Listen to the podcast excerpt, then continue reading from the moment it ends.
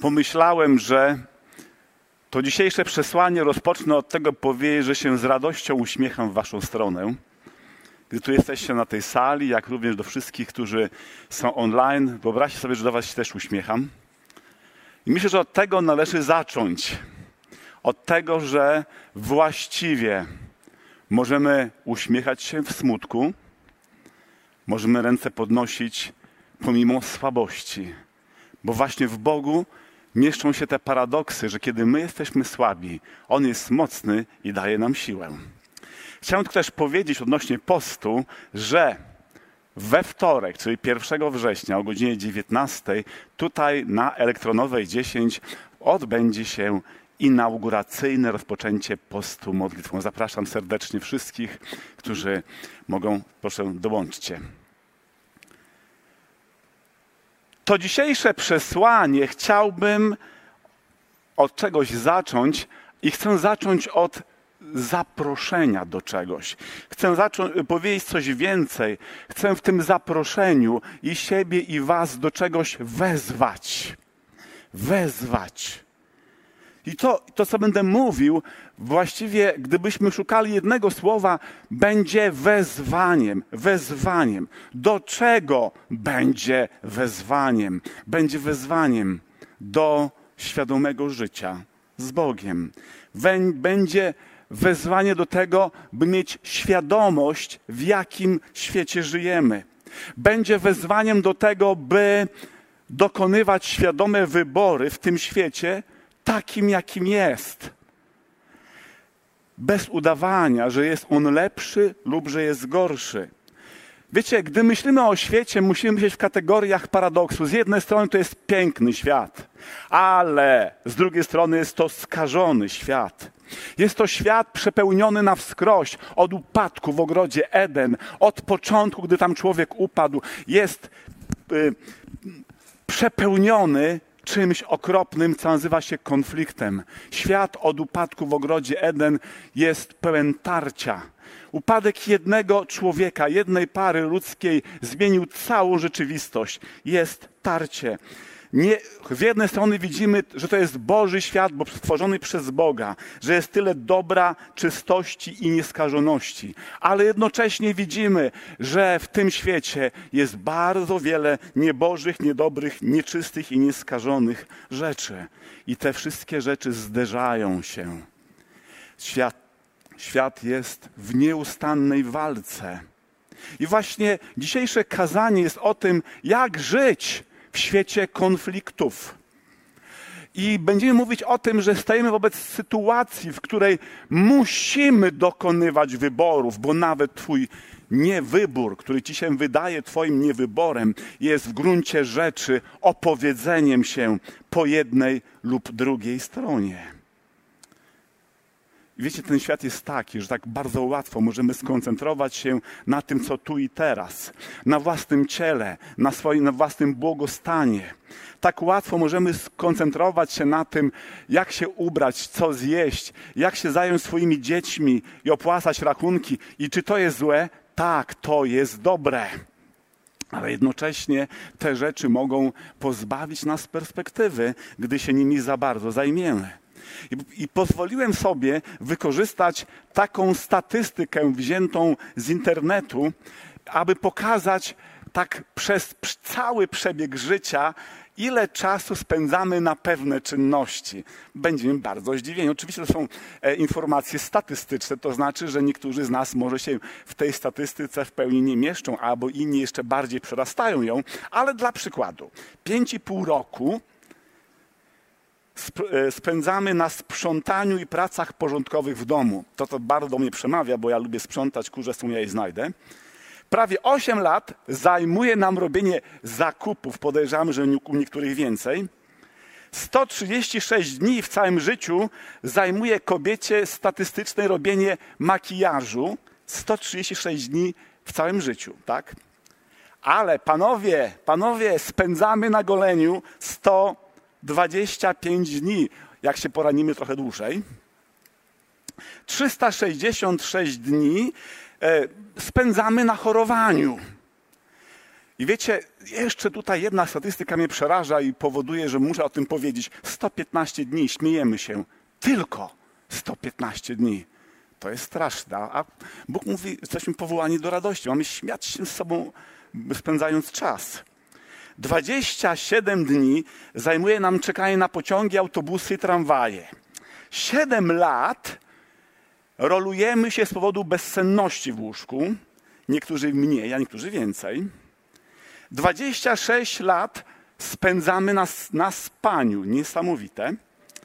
6 miesięcy w ciągu życia spędzamy stojąc w kolejce. 20 dni spędzamy na czekaniu na połączenie z konsultantem. Tego bardzo nie lubię. 4 lata wisimy na telefonie w pracy. Tylko 28 dni w ciągu przebiegu naszego życia spędzamy na przytulaniu. Ciut za mało. Aż 11 lat statystycznie spędzamy przed telewizorem. No, 5 lat spędzamy na online, niektórzy więcej, i tak dalej, i tak dalej. Słuchajcie, nie skupiajmy się na tym, co przeczytałem i nie mówmy e, e, tak czy owak. Chodzi o coś innego. Mam te podane statystyki, abyśmy uświadamiali sobie, że w naszym ziemskim życiu nie przychodzi nam e, z wielką trudnością, ale przychodzi nam z wielką łatwością skoncentrować się na tym, co ziemskie, e, na tym, co ma związek z tym byciem w ciele tu na ziemi. I wiecie, gdy jesteśmy ludźmi i ludźmi, tak to wymaga pewnego wysiłku, aby skupić się na tym, co duchowe, ponieważ to wymaga wiary. To potrzebuje rozwinąć się w naszym życiu, abyśmy rozumieli, że nasz duch woła, do, woła w Duchu Świętym do Boga, Abba Ojcze. I bardzo często zapominamy, żeby korzystać z tej gorącej linii i przez to trudno nam się przebić przez te fizyczne, materialne sprawy, które zakrywają i zagłuszają e, tę rzeczywistość ziemską. I dzisiaj będziemy też mówić o tym, jak możemy E, pobudzać naszą gorącą linię i dzięki tej gorącej linii odzyskiwać właściwą perspektywę na to, co materialne, ziemskie. Wiecie, chcę powiedzieć tu ciekawą rzecz. Gdy objawi się Królestwo Boże w wieczności, to chcę powiedzieć, dopiero tam nie będzie łez, cierpienia, bólu. Dopiero tam nie będzie, będzie nowe ciało, które nie podlega destrukcji, chorobom, starzeniu. Dopiero tam nie będzie żalu, zranień, krzywd. Nawet my, jako chrześcijanie, musimy przyjąć jako fakt ten paradoks, że będziemy płakać w bólu, ale cieszyć się radością zbawionego w Chrystusie. Nie będzie też strachu tam, nie będzie bólu ani tego fizycznego, ani emocjonalnego. Nie będzie migreny, nie będzie wirusów, koronawirusa również, nie będzie depresji, nie będzie chorób, nie będzie śmierci. Nie będzie trzeba robić zakupów, gotować obiadów, ani zmywać naczyń. Kupiłem ostatnią zmywarkę po 30 latach małżeństwa. Chwała Bogu. Halleluja. Nie trzeba będzie podejmować decyzji, wybierać między dobrem i złem. A teraz, ale teraz, właśnie teraz, gdy żyjemy na ziemi, musimy w tym poszukiwaniu rzeczy duchowych jednocześnie wykonywać wiele rzeczy prozaicznych. Słuchajcie, gdy wychodzisz na ulicę, nie, chcę mówić, gdy wstajesz rano z łóżka, to jesteś bombardowany milionami informacji. Bombardują cię rzeczy, ludzie, sprawy. E, to powoduje różne emocje, różne odczucia, poczucia, wrażenia to sprawia, że musimy podejmować decyzje, dokonywać wyborów. One są czasem prozaiczne i błahe, ale chcę tutaj powiedzieć to jedno wredne pytanie, które pojawia się: czy na pewno to jest tylko prozaiczne i błahe? Bo chcę tu powiedzieć drugą myśl, która będzie wybijać się przez to kazanie. To, co wybierzesz i to, co wybierasz każdego dnia, ostatecznie decyduje o tym, kogo? Kogo? Jeszcze raz mówię, kogo wybierasz? Bo gdy wybierasz pewne postawy, myśli, reakcje, działania, gdy ja wybieram pewne postawy, myśli, reakcje, zachowania albo rzeczy, to nie wybieram tylko te myśli, reakcje, zachowania. Przede wszystkim wybieram ten cały świat i ten cały świat, i on przynależy albo do ciemności, albo do światłości, i za każdym z tych światów stoi ktoś. Czy zdajesz sobie sprawę, że Twój wybór tak naprawdę nie tylko jest samym wyborem?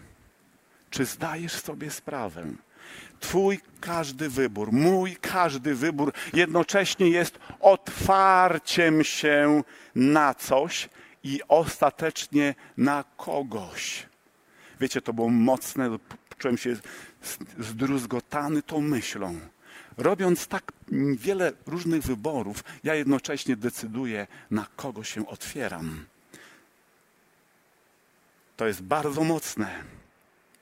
I te nasze myśli, uczucia, te nasze reakcje, te nasze wybory stają się furtką, furtką, to jest kolejna metafora, myśl ważna, furtką dla kolejnych myśli, postaw, reakcji, działań, a także nawyków, które ostatecznie wprowadzają nas do jakiegoś świata, albo do świata Boga, który, gdzie są to Boże myśli, albo do świata niebożego, w którym są nieboże myśli, nie według Bożego serca. Tak więc zadaję dzisiaj pytanie na tym miejscu, co wybieram? Zadaję do Ciebie pytanie, co wybierasz? Co wybierasz w tych codziennych decyzjach? W relacjach, w małżeństwie, w odniesieniu do dzieci, do pracodawcy, do pracowników, do, do ludzi naokoło Ciebie za jaką myślą podążasz, za jaką emocją podążasz. Bo te właśnie proste wybory są otwartymi drzwiami jakiejś określonej rzeczywistości.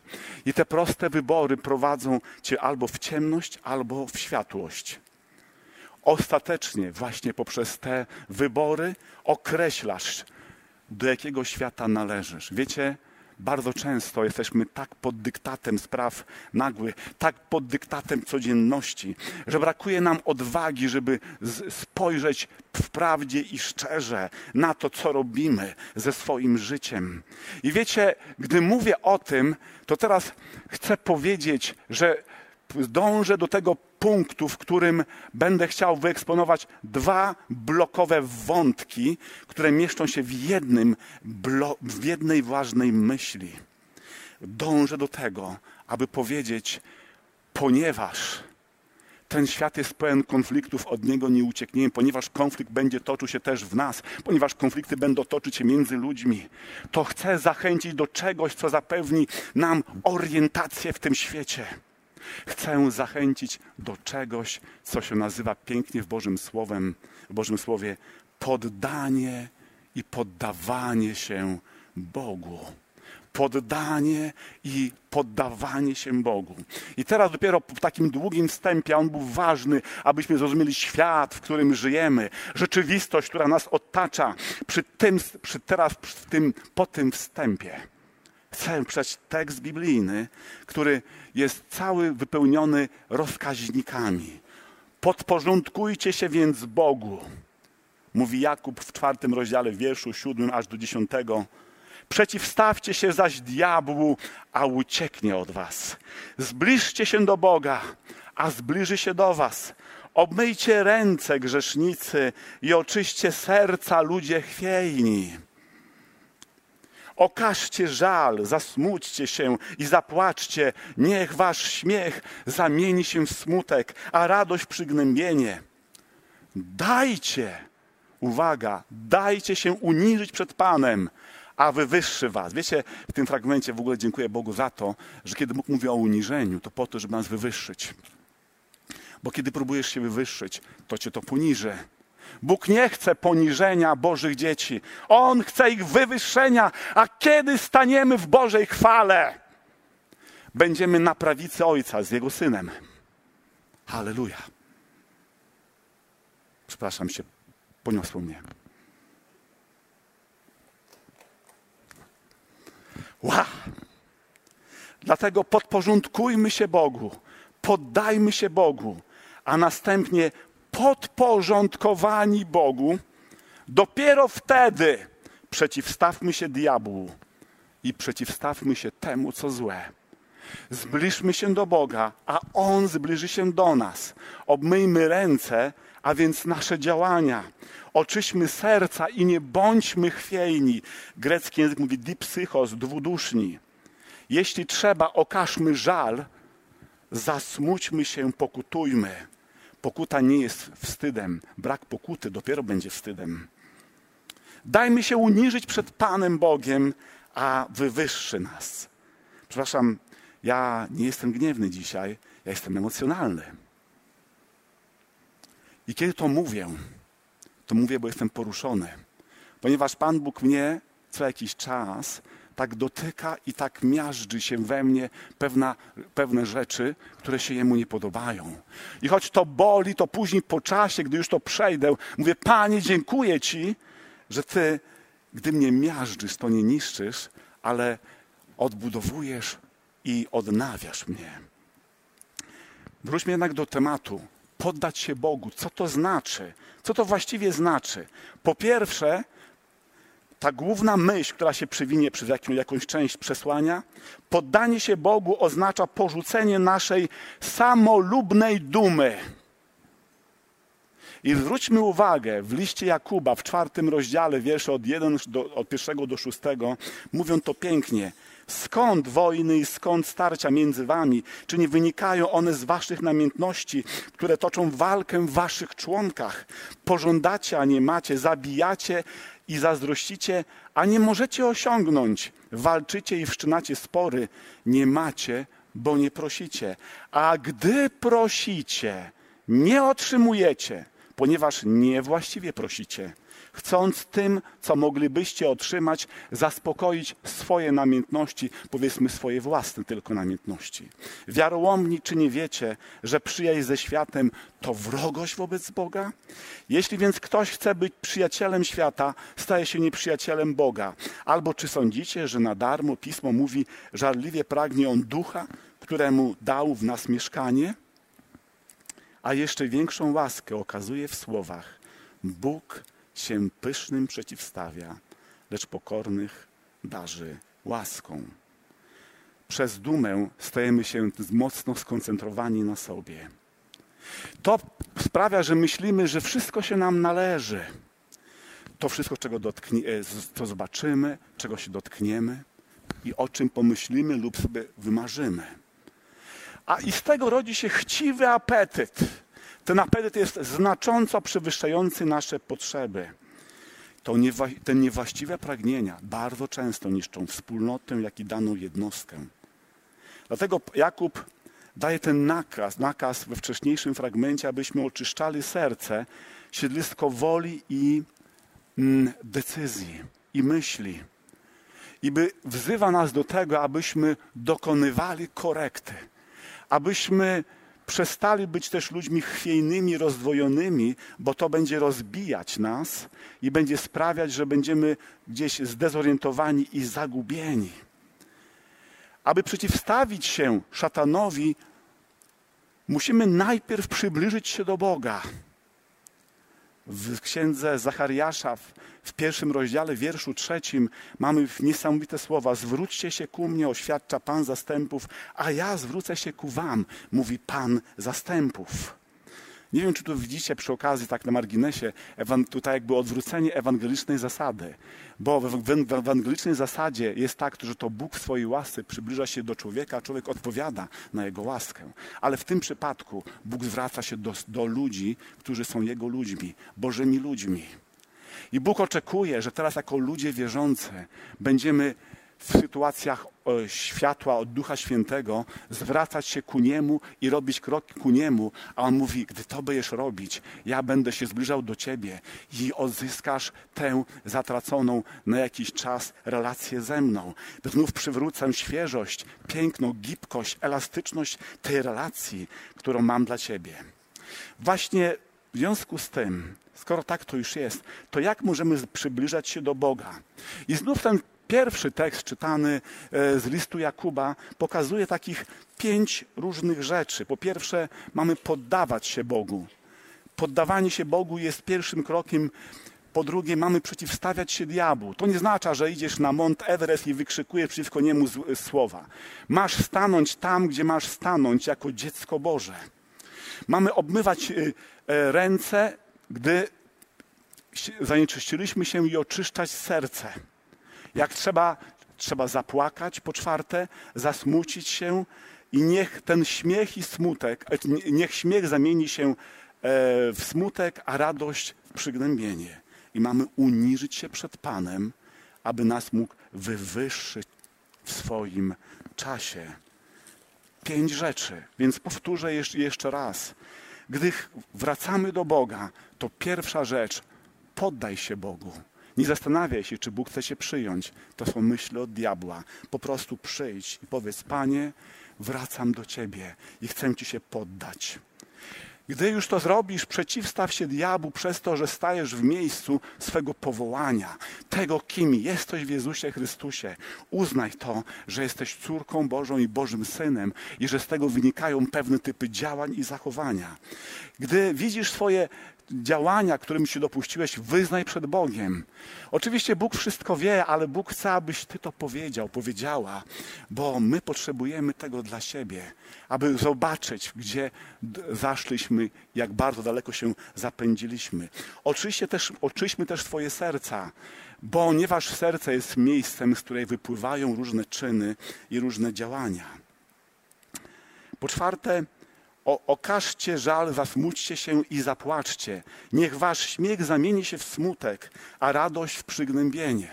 Bardzo często chcemy tak cieszyć się w sposób próżny, z tego świata płynący. A Bóg mówi: Ja chcę, aby to Ciebie przepełniała radość płynąca z góry ode mnie. A największą radością to jest to, że Twoje imię zapisane jest w księdze życia. Nawet nie to, że demony z krzykiem uciekają. Uczniowie oczywiście przyszli i przechwalali się Jezusowi. Panie, popatrz, demony są nam poddane. A Jezus mówi, cieszcie się raczej z tego.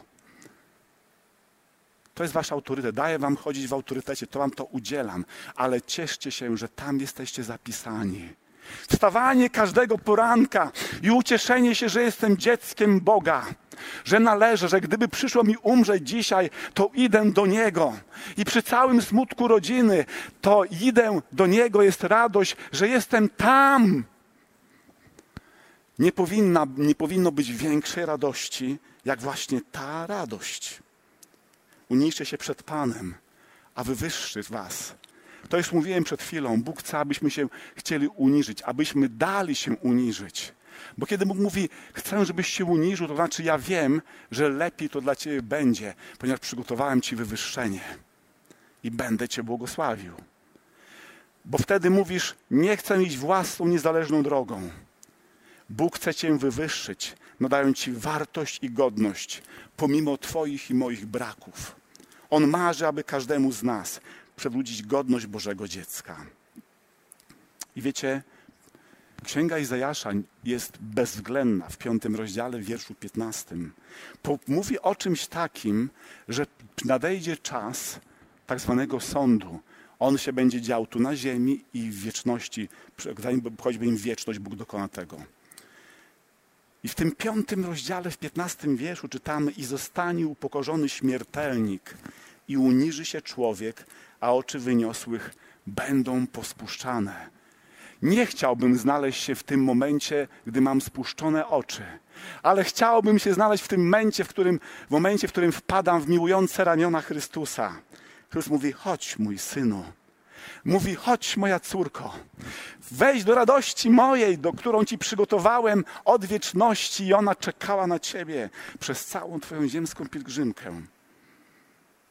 Co pomoże nam w naszych zmaganiach z egoistycznymi tendencjami, skłonnościami. Uczenie się pokory.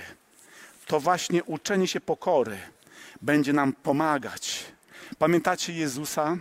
Może zacznę od tekstu. W pierwszym liście Piotra, w piątym rozdziale, wiersz piąty i szósty czytamy, podobnie młodsi, Ulegajcie starszym, wszyscy zaś przepaszcie się chustą pokory względem siebie, gdyż Bóg się pysznym przeciwstawia, pokornym daje łaskę. Uniszcie się więc pod mocną ręką Boga, aby was wywyższył w swoim czasie. Wiecie, mam dwa obrazy. W Starym Testamencie widzimy Józefa nieprzymionego, Józefa egipskiego musiał pójść być poniżonym, że Bóg go wywyższył, bo chciał być wielkim przed swoimi bracia, braćmi. Chciał ich łokciami rozepchać. Bóg musiał go upokorzyć, bo nie był gotowy być wywyższonym. Ale kiedy przed szkołę pokory, Bóg go wywyższył, był drugim po faraonie. Mamy też Jezusa Chrystusa, który przyjął ciało ludzkie i on też przed poniżenie.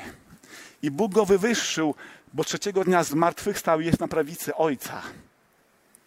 Bóg chce, Bóg chce naszego wywyższenia. I chce, abyśmy byli gotowi przepasać się chustą pokory. To jest obraz niewolnika e, w świecie starożytnym, który ubierał się w taki biały fartuch i był to znak jego posługiwania, jego gotowości do działania. Być przepasanym e, znaczy mieć o sobie takie oto myślenie. Jestem w grupie skromnie myślących o sobie. Jestem w grupie osób posiadających e, skromne zdanie na swój temat. I wiecie, pokora nie była przez starożytny świat uważana za cnotę, a odkrywam za każdym razem, że podobnie jest i dzisiaj. To, co szczególnie powinno być naszą ambicją, naszym dążeniem, to nie postawienie na swoim, ale to trzymać mieć aprobatę Boga to spotkać się z uznaniem samego Jezusa, to pozwalać, aby On był dla nas najważniejszy. I właśnie ten wybór Bóg przed Tobą i przede mną stawia. Stawia ten wybór przed Tobą i przede mną, przed nami. I wiecie, gdy zaczynamy te kroki czynić, gdy zaczynamy je wykonywać, e, zaczyna się też coś dziać niezwykłego. Zbliżamy się do Boga. I w tej bliskiej relacji z Nim wypełnia nas Duch Święty. I wiecie, dopiero wtedy widzimy zwodnicze pokusy. Zwodniczych pokus nie zobaczymy, gdy oddalamy się od Boga, bo brniemy w mroku. Dopiero w świetle widzimy więcej, dopiero w świetle widzimy lepiej, dopiero w świetle widzimy inaczej, dopiero w świetle widzimy tak, jak należy widzieć jakimi naprawdę są egoistyczne pokusy i pragnienia, a są tylko tanimi, nic nieznaczącymi substytutami tego, co Bóg ma nam do zaoferowania. Prawda jest taka, że dopiero wtedy, gdy zbliżamy się do Boga, uciekają od nas mroki i w świetle poznajemy prawdę o sobie. Wiecie, Bóg, co, z tego co powiedziałem, Bóg chce dawać nam dobre rzeczy, ale Bóg chce robić coś więcej. On to robi, On robi coś więcej. On chce i pragnie rozbudzać w nas swoje pragnienia. Rozbudzać w nas swoje pragnienia. Gdy jesteśmy w relacji z Nim, to nasze serce zaczyna współgrać z Bożym sercem i w tym, e, tym stanie tańca miłości z ukochanym, oblubieńcem w tym stanie tańca miłości z ukochanym oblubieńcem, tak naprawdę dopiero wtedy zgrywamy się swoje pragnienia z Jego pragnieniami. W liście do Filipian, drugim rozdziale, wierszu 13 czytamy, gdyż to Bóg jest tym, który sprawia w nas chcenie i wykonanie ze względu na dobrą wolę. Sprawia w nas chcenie i wykonanie. Chociaż jako osoby wierzące jesteśmy odpowiedzialni za swoje czyny, ja i ty, to ostatecznie Bóg jest źródłem dobrych czynów i duchowego owocu w nas. Niechaj nikt z nas nie pomyśli, że jestem w stanie przynieść owoc Ducha Świętego na swoich własnych warunkach. Chcę Ci powiedzieć, nie jesteś w stanie. Jesteś w stanie być jak Piotr, który się zaparł Jezusa w godzinie kryzysu. Jesteś w stanie jak Piotr w emocjach podnieść miecz i uciąć ucho Malchusowi. Tyle jesteś w stanie zrobić. Nie jesteś w stanie przetrwać pokusy, gdy nie jesteś z Chrystusem. Jesteś zmiażdżony i zmiażdżona. Więc to, co jesteśmy w stanie zrobić, to tylko wtedy, gdy jesteśmy w relacji z Nim. Gdy ta relacja się pogłębia, gdy ta relacja się rozwija, gdy ona staje się mocna. Czyli Po pierwsze, gdy mówimy o poddaniu się Bogu, mówimy o poddaniu się jako wyrzeczeniu się ambicji. Po drugie, gdy mówimy o poddaniu się Bogu, to mówimy o poddaniu się, które polega na nałożeniu całej zbroi Bożej. I w liście do Efezjan w szóstym rozdziale, wiersze od 11 do 18, czytamy takie słowa: Włóżcie na siebie pełną zbroję Boża, abyście umieli sobie radzić z podstępami diabła. Nasza walka bowiem nie toczy się przeciwko krwi i ciału. Walczymy ze zwierzchnościami, z władzami, z zarządcami ogarniającej świat ciemności, z niegodziwymi zakusami duchowych sił na wysokościach nieba. Właśnie dlatego przywdziejcie pełną zbroję Bożą. Musicie wiedzieć, jak stawić opór w krytycznej chwili i jak wyjść z potyczek zwycięską. Stańcie zatem z pasem prawdy na biodrach w pancerzu sprawiedliwości na piersiach, obuci w gotowość głoszenia dobrej nowiny o pokoju. Zawsze wznoście tarczę wiary. Dzięki niej ugaś, ugasicie każdy ognisty pocisk złego. Załóżcie hełm zbawienia i weźcie do ręki miecz ducha, którym jest słowo Boga. W każdej modlitwie, gdy tylko zanosicie prośby, módlcie się w duchu bez względu na porę. W tym celu czuwajcie z całą wytrwałością i wstawiajcie się za wszystkimi świętymi. Tekst ten mówi, gdy przychodzisz na świat, to odkrywasz, że świat jest przepełniony tarciem i konfliktem. Gdy stajesz się dzieckiem Boga, to odkrywasz, jak wielki jest to konflikt. Diabeł nie kocha Boga i tego wszystkiego, co stało się Boże. Więc jeśli szukasz bezpiecznej wyspy, zielonej wyspy, duchowej Irlandii, to jej nie znajdziesz. Bo takiej wyspy nie ma. Twoją wyspą jest Chrystus Jezus i Jego obecność w Duchu Świętym. Twoją wyspą może być wspólnota wiary, w której e, chodzisz z Bogiem, chociaż czasem musimy między sobą porozwiązywać różne problemy. Niezwykle ważne jest, abyśmy zrozumieli, że bierzemy udział w prawdziwej bitwie. Ale chcę powiedzieć drugą rzecz. W tej bitwie wodzem jest Jezus Chrystus i ta bitwa już na początku jest przesądzona na Bożą stronę. Bóg już ma zwycięstwo. Diabeł chce niszczyć, Bóg chce odbudowywać, odradzać i odnawiać. I teraz, gdy mówimy o tej bitwie, Twoim i moim wrogiem nie jest, jak powiada apostoł Paweł, krew i ciało. Twoim więc i moim wrogiem nie są ludzie i chcę to powiedzieć z całą stanowczością. Zwłaszcza w dzisiejszym świecie, kiedy narody się burzą, jedne myślą o sobie lepiej, a o innych, że są gorsi. Kiedy ludzie w kraju się burzą i myślą o jednych, że są gorsi, a my lepsi, to chcę powiedzieć, że to nie jest Boże serce. Naszym największym wrogiem jest diabeł od Twego i mego poczęcia aż po grób. Od Twego i mego poczęcia aż po grób. Naszym największym wrogiem jest diabeł. Musimy to rozumieć. Zrobi on wszystko, aby podważyć Twoją, moją wiarę, aby zaszkodzić zamiarom Boga w naszym życiu. Będzie stawiał przeszkody i, przeszkody i sidła, aby zniszczyć nas. Będzie wykorzystywał nasze niezagojone zranienia, poczucie krzywdy, kompleksy, ambicje, poczucie niespełnienia. Będzie wykorzystywał Twoje poczucie braku miłości, doceniania i poczucie różnych braków.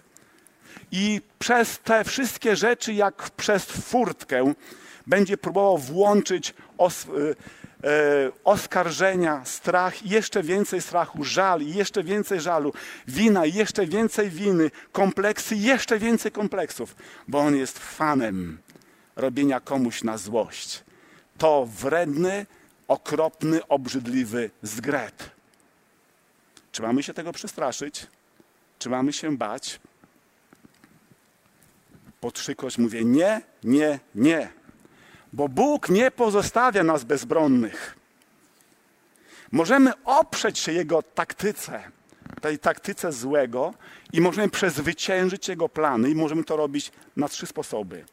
Znaczy w pakiecie. Po pierwsze ufając Bogu, po drugie przyjmując wyposażenie, które daje Bóg, i po trzecie, okazując mu posłuszeństwo.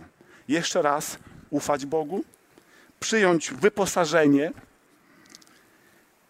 które daje Bóg, być posłusznym. I wiecie, dobrze, gdy zdajemy sobie sprawę, że nie musimy być doskonali. Jezus Chrystus bierze nas, odradza przez Twojego ducha i przez cały przebieg życia czyni doskonałymi na swój obraz i podobieństwo. Więc kiedy jesteś w przebiegu swojego życia, pamiętaj, że jesteś tylko dziełem Bożym, ciągle na sztalugi rozciągniętym, ciągle jeszcze niedokończonym. Jeszcze wszystko jest przed Tobą. Każdy dzień, każda sekunda, każda minuta, każda godzina. Bóg będzie wpychał swoją parę, aby Ciebie upodabniać do swojego Syna. Mnie upodabniać do swojego Syna i On zrobi wszystko, aby tak było. I On będzie chodził za nami. Wow! Jestem podekscytowany. Nie mamy pojęcia, jak wielka jest Boża moc i miłość. Nie mamy pojęcia, ale Bóg jest niezwykły. On będzie nas tego uczył. Dlatego nie możemy czuć się beznadziejni. Bóg mówi: Spójrz na mnie. Jestem źródłem nieograniczonej mocy i mądrości. Bóg mówi: Ja gwarantuję to, czego ty sam sama nie zrobisz. To nie jest religia Dalekiego Wschodu. To nie jest taki masz silny umysł. To jest błędna droga zapatrzenia się w siebie, ale spójrz na mnie i niechaj Twoja moc płynąca, e, niechaj Twoja siła płynie z mojej mocy, mówi Bóg przez z mojego słowa. Chwała Mu za to, że jest naprawdę wierny, że jest naprawdę wielki, że Jemu za każdym razem zale, zależy na nas. Chwała Mu za to. On chce Twojej wiary. Bo wiarą dokonujesz abordażu, bo wiarą rzucasz drabinkę, przez którą Bóg posyła strumienie swojego błogosławieństwa, zaopatruje Cię w środki, bo w ten sposób zachowujesz radość, nawet gdy jest trudno. Dlatego Bóg mówi słowami Pawła: spójrz na żołnierza rzymskiego, na tych sześć elementów. One mówią: masz być wyposażony. Chciej z Bożego wyposażenia korzystać. Po pierwsze, zapnij pas prawdy. Twoim i moim pasem ochronnym jest prawda o tym, kim jesteśmy w Chrystusie, a tę prawdę odkrywamy z Bożego Słowa. Czy czytasz o tym? Czy każdego dnia się tym napełniasz? Kiedy diabeł wie, że nie wiesz, kim jesteś, to on wie, jak cię zranić. Gdy nie jesteś niepewny, niepewny swojej tożsamości, łatwo cię zranić. Po drugie, załóż pancerz sprawiedliwości. Napierśnik który nosił żołnierz rzymski, chronił przed ognistymi strzałami, które były nasączone smołą. Jeżeli ktoś oberwał tą strzałą, to naprawdę poczuł, co to znaczy. Bóg chce chronić Twoje i moje serce, które jest źródłem życia. Dał Ci pancerz sprawiedliwości. I mówi, nie swoją siłą i osiągnięciami, ale moją sprawiedliwością przez krzyż i zmartwychwstanie chcę Ci dawać to zabezpieczenie.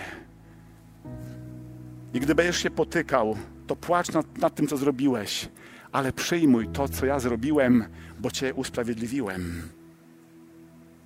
Po trzecie, mamy o, mieć obute nogi w gotowość do głoszenia dobrej nowiny o pokoju. Słuchajcie, żołnierz rzymski nosił sandały, ale one nie były byle jakie. To były sandały kolczaste.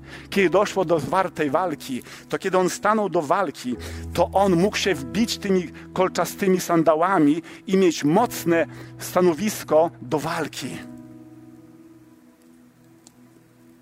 Bóg również ci daje takie sandały Że gdy idziesz z głoszeniem Ewangelii, to nie stąpasz bosą nogą po ziemi. To skorpiony i węże nie będą w stanie cię ukąsić. Że będziesz mógł głosić skutecznie dobrą nowinę. Tę nowinę o pojednaniu. Zastanów się, co głęboko jest w Twoim sercu, co głosisz swoimi ustami i życiem. Czy głosisz pojednanie między z Bogiem i z ludźmi? Czy budujesz pomosty nad przepaściami? A to wszystko jest tylko wtedy możliwe, gdy Twoje nogi są obute. Po czwarte, mówi Paweł, podnieście tarczę wiary. Ta tarcza wiary była potężna. Ona zasłaniała ca całego wojownika i gdy byli oni wszyscy w szyku bojowym i tworzyli pewien mur, to mogli zasłonić się przed pociskami. Ta tarcza była wykonana ze skóry i nasączona olejem. ta właśnie tarcza wiary ochroni cię przed pociskiem starych krzywd i wypominania Twoich starych win, zachowa Cię przed pociskiem samoużalania się, bo wróg będzie rzucał na Ciebie te pociski, będzie wypominał Twoje stare życie. Po piąte, masz założyć hełm zbawienia.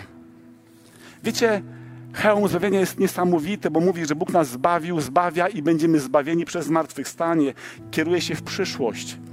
Mówi, że nie jesteśmy potępieni, ale zbawieni. Nie jesteśmy martwi, ale jesteśmy żywi duchowo i żyjący. I gdy, na, na, gdy napełniamy się tym zbawieniem, gdy nasycamy się prawdą o zbawieniu, że jesteśmy w łączności z dawcą życia i cieszymy się Jego miłością. I po szóste mamy wziąć miecz ducha Diabeł zrobi wszystko, aby Biblia była na szarym końcu, końcu w naszym życiu. Abyśmy nie napełniali się prawdą Bożego Słowa i obietnicami, które płyną z Pisma Świętego. Dlatego Bóg mówi: korzystaj z mojego rynsztunku, którego ci daję. Nie jesteś bezbronny. Jesteś wyposażony, wyposażona. Wiecie, gdy mówimy o poddaniu się Bogu, to nie jest to takie pasywne, takie kwietystyczne poddanie się Bogu. To jest tak naprawdę współuczestniczenie w tym, co Boże, w Jego dziele. To jest bardzo aktywna czynność w Jego myślach i postawach. To jest odwrócenie się od siebie. I wiecie, co się dzieje? Na pewno diabeł czuje się pokonany i musi uciekać. Tak zrobił przed Chrystusem. W Łukasza w czwartym rozdziale, w wierszu trzynastym czytamy po kuszeniu na pustyni, gdy zaś diabeł zakończył całą tę próbę, odstąpił od, od, niego do pewnego czasu. On później jeszcze przystąpi, będzie atakował go w różny sposób. Ale Jezus wygrał tę potyczkę. I ten obraz Chrystusa jest powiedzeniem: Ja was takimi czynię. Będziecie wygrywać potyczki. Będzie ich dużo w waszym życiu, aż oddacie ostatni oddech i będziecie u mnie. Ale ja jestem gwarantem zwycięstwa, które wam przygotowałem. I drodzy, dzisiaj żyjemy w świecie, gdzie musimy walczyć. To już nie zabawa to nie truchcik, to jest walka. Musimy walczyć o to, aby żyć z Bogiem. Żeby nie sprzedać, nie wymienić na drobne tego, co jest cenne. Mamy to zrobić. Mamy to robić z miłością. Kiedy inni stają i nas krzywdzą, mamy też walczyć, przebaczając i błogosławiąc im. Więc na koniec mówię tak, patrząc na konsekwencje naszych wyborów, zadaję sobie i nam wszystkim to jedno pytanie na koniec. Ku czemu więc się skłaniasz?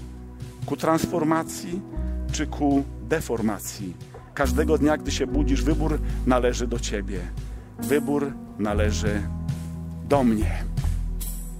Ku czemu się skłaniasz? Ku czemu się skłaniasz? Gorąco mówię, poddaj się Bogu gorąco mówię, poddaj się Bogu przed wyrzeczenie się własnej ambicji, niewłaściwych ambicji. Gorąco mówię, poddaj się Bogu przez zakładanie całej zbroi Bożej.